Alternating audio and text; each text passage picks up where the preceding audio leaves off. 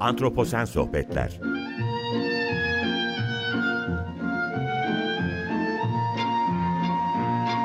Hazırlayan ve sunan Utku Perktaş Merhaba, akşamlar herkese. Antroposen Sohbetlere hoş geldiniz. Ben Utku Perktaş. Bugün programda şu bir geçmişe bakacağız Antroposen Sohbetleri hakkında. Program 2021 yılının Mayıs ayında başladı ve beklediğimin ötesinde bir ivmeyle yol aldı. Program Açık Radyo'da 6. yayın döneminin içinde ve 100 bölüm geride kaldı. Ee, dile kolay 100 bölüm.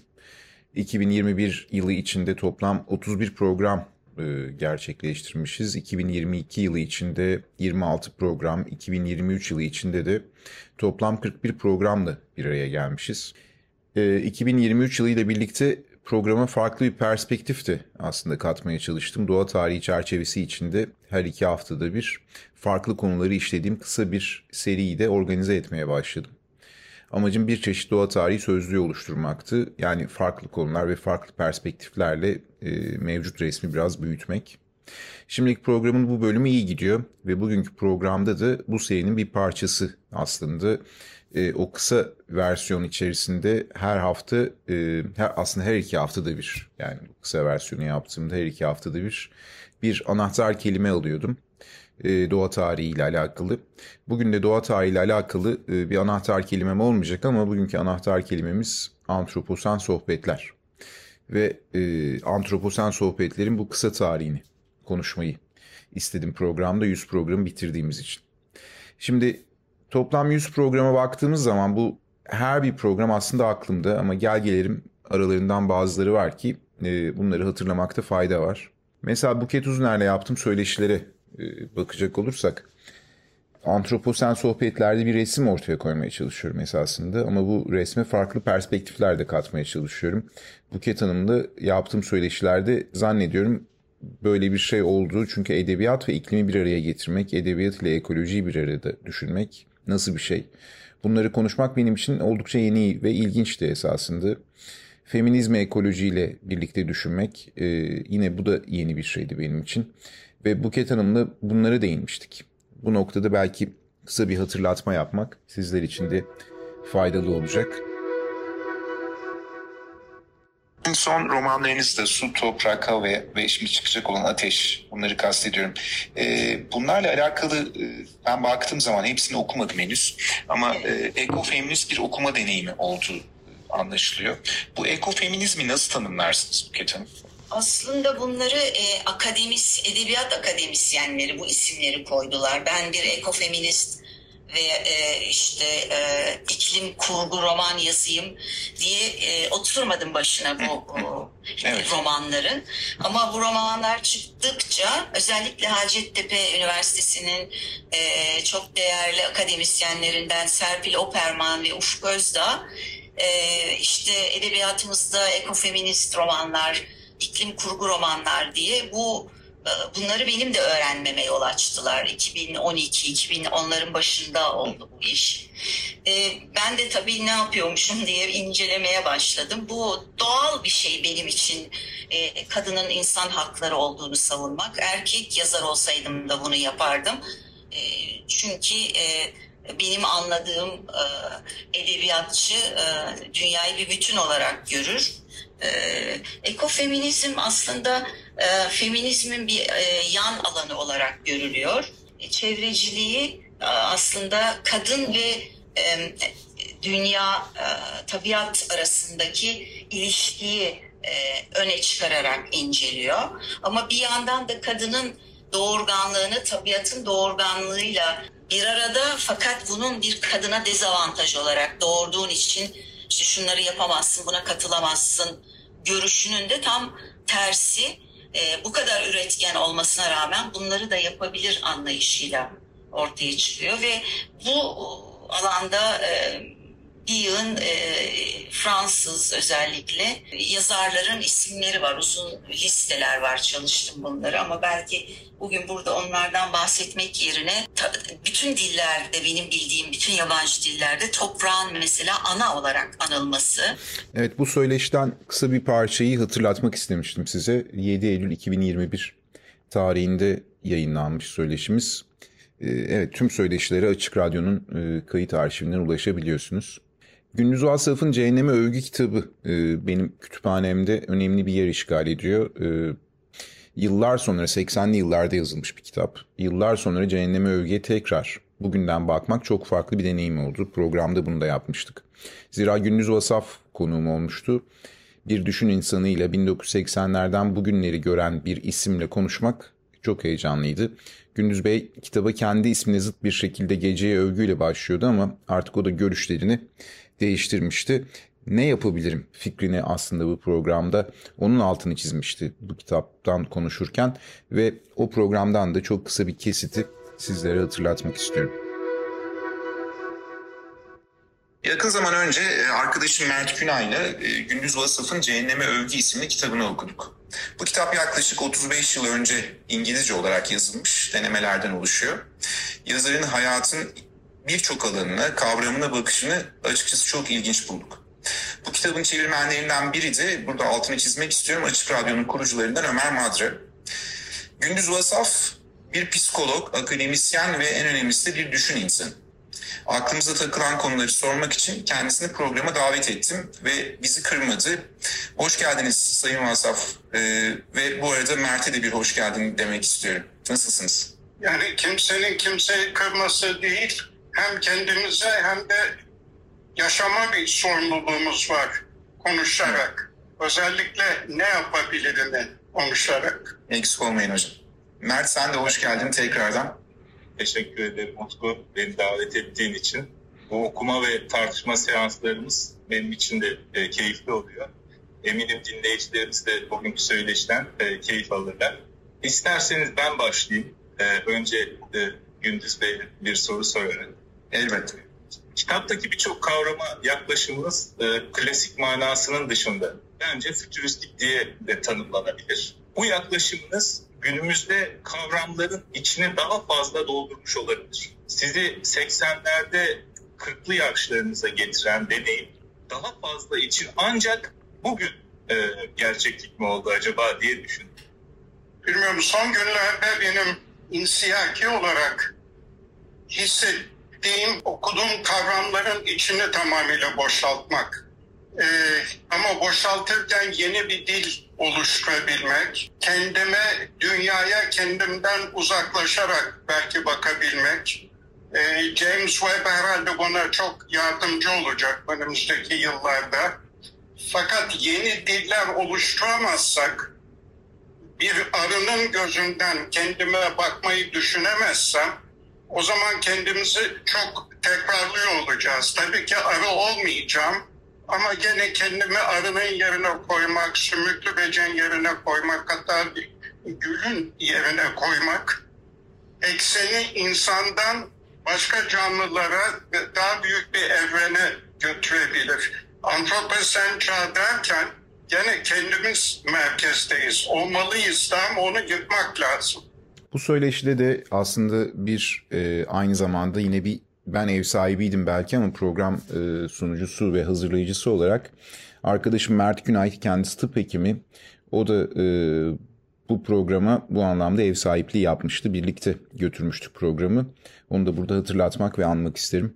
Peki e, antroposen dediğimizde antroposenle biyoçeşitlik kayıplarını, iklim krizini bir araya getiriyoruz ama bir de işin ekonomi bileşeni var.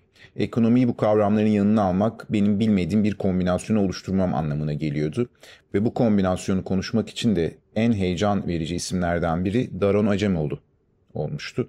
Bu kaydı yapabilmek için yaklaşık bir yıl bekledim. Aslında bu program farklı bir perspektiften biyoçeşitliğe bakmamı sağlamıştı. Sebebi de dar koridor teorisiydi. Kısaca hatırlatayım dar koridor teorisi toplumların özgürlüklerinin evrimi üzerine şekillenmiş bir teori karar vericiler ile söz konusu toplum bileşenleri birlikte bir dar koridora girebilirlerse, çok fazla sıkışmadan birbirlerini dinleyerek ilerleyebilirlerse toplumlar da bu anlamda özgürlüklerini belli ölçüde evrimleştirebiliyorlar ve ileriye doğru gidebiliyorlar. Beni etkileyen bir düşünceydi bu ve içinde olduğumuz kriz çağında biyoçeşitliğe uygulanabilir miydi acaba? Bu soru üzerine tartışmamızın sonucu da şu oldu. Ekonomi denklemleri içine biyoçeşitliliği kesinlikle almamız gerek. E, bu söyleşiyi de aslında hatırlatmak istedim. Bunu kesinlikle dinlemenizi öneririm. Çok kısa bir hatırlatmayı yine burada yapmak istiyorum. Çok teşekkürler hocam. Tarihlerimizi doğru belirlememiz gerekiyor anladığım kadarıyla benim. Kitabınızda e, Alice Harikalar Diyarı'ndan Lewis Carroll'dan bir alıntı var. Kızıl Kraliçe. Bu bizim biyolojide de kullandığımız hipotezlerden bir tanesi ve ben e, çok heyecanlanmıştım okuduğumda. Kızıl Kraliçe e, hipotezine göre hani devlet güçlendikçe toplum da güçlenirse ilerleme söz konusu diyor kitapta. Şimdi peki hocam insan nüfus artışı ve tüketim biyoçeşitlik bileşenlerinin koridor üzerinde yer bulamayıp yaşam içinde insanın kendi geleceğini tehlikeye atmasına yol açar mı acaba? Bu kızıl kraliçe hipotezler. Konuştuğumuz şeylerden tamamen evet. birazcık evet. şeylerle alakalı. Kızıl kraliçe dinamiği içinde ya da dar koridorun içinde hiçbir şey otomatik olarak insanın çevreye saygı duymasını sağlar. Evet. Onun için diyorum ki bir bir adım öteye gitmemiz lazım. Çevreye olan etkimizi çok daha iyi anlamamız lazım. İnsanların bunu içselleştirebilmeleri lazım. Ondan sonra bunun çevresinde normlar kurmaları lazım.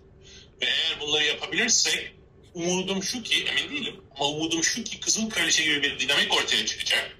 Ve bu dinamik hem normların hem devlet kurumlarının bir şekilde çalışmasına belki yol açabilir. Avrupa'da biraz bunu görüyorum. İsveç'e bakın. İsveç şu anda dünyada iklim değişiminden en az etkilenecek ülkelerinden bir tanesi. Bundan 10 ne kadar oluyor? 6-7 sene öncesinde 120 dolar bir ton e, karbona e, vergi getirdi. Niye yaptı İsveç? Kendi başına.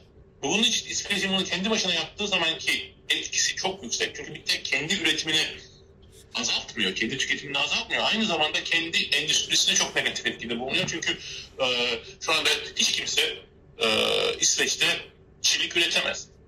Çünkü çelik üretimine e, bir tonuna 250 dolar daha fazla vergi vermen lazım. Gidip onu Çin'den alırsın ya da Hindistan'dan alırsın.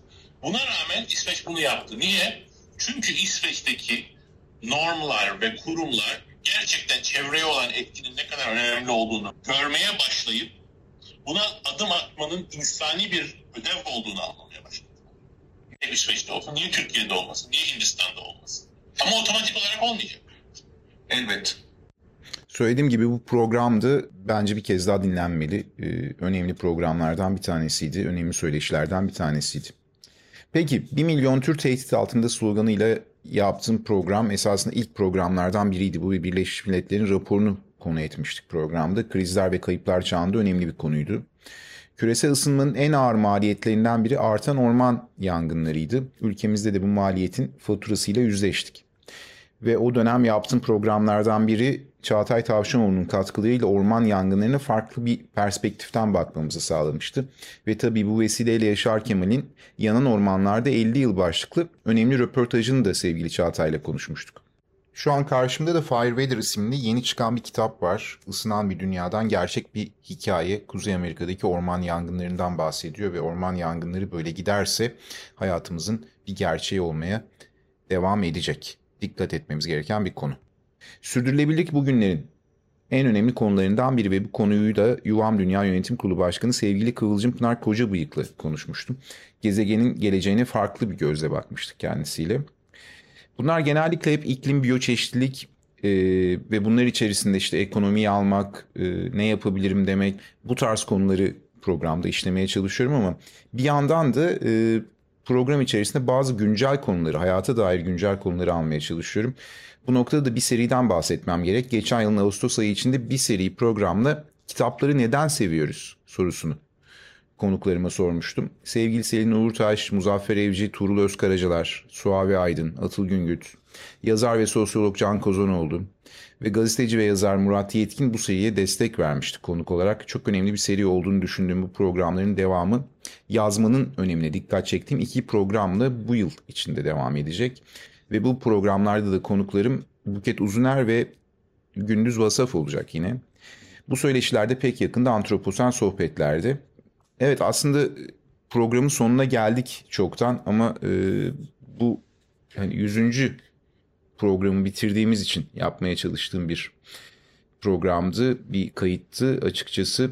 Tüm söyleşileri burada özetlemem de pek mümkün değil ama geride bıraktığımız 3 yılın antroposen sohbetler perspektifiyle biraz resmini çizmeye çalıştım. Tekrardan size hatırlatmak istedim. Bugün bu tür programlar, podcast serileri hepimize farklı bakış açıları katılıyor. Aslında bir sürü podcast var e, dinleyebiliyoruz farklı platformlardan. Bu dönemde gezegenin geleceğini düşünerek ne yapabilirim sorusunu bize sorduruyor bunlar. Ve Gündüz Bey'i burada bir kez daha anmak istiyorum. Ne yapabilirim onun bana kazandırdığı bir bakış açısıydı ve kesinlikle doğru bir bakış açısıydı. Bireysel çabalarımız her şeyin ötesinde çok önemli. Gezegen için çok önemli. Geleceğimiz için çok önemli. Hepimiz bir şeyler yapmak için adım atmak zorundayız. Antroposen sohbetlerin bu noktaya gelmesini sağlayan tüm konuklarıma çok teşekkür ediyorum burada. Tabii hiç unutmadığım isimler de var. Program söz konusu olunca motivasyonumu her zaman destekleyen sevgili abim TRT'nin emekli prodüktörlerinden kıymetli Muzaffer Evci'ye çok teşekkür ederim. Program müziğini tekrar hatırlatmak istiyorum burada. Benim için çok köşe taşı bir yerdi. Ee, modern zamanlardan bir alıntı bu program müziği. Programın ismine uygun bir şekilde de e, aslında bu müziği bana öneren, bunu yapmamızı öneren sevgili Tuğba Beret Ertan'ı burada anmak istiyorum. Bir kez daha kendisine çok teşekkür ediyorum bunun için. Programın ruhuna çok uygun bir açılışı onun sayesinde bulduk. Açık Radyo'nun değerli ekibi her hafta onların katkısıyla 100 programı dinlediniz ve dinlemeye devam ediyorsunuz. Çok çok teşekkürler. Ve tabii siz kıymetli dinleyicilerimize çok teşekkür etmek istiyorum. Sayenizde bir program komünitesi oluştu esasında. Program tüm hızıyla devam ediyor ve gelecek yayınlar beni çok heyecanlandıran söyleşileri içeriyor. Sosyal medya üzerinden bunları kısa kısa duyurmaya çalışıyorum. Bugün 101. program ve geride bıraktığımız 100 programı bir nevi kutladık burada ve hatırladık tabii. Herkese çok teşekkürler. Önümüzdeki haftalarda tekrar buluşmak üzere. Şimdilik hoşçakalın.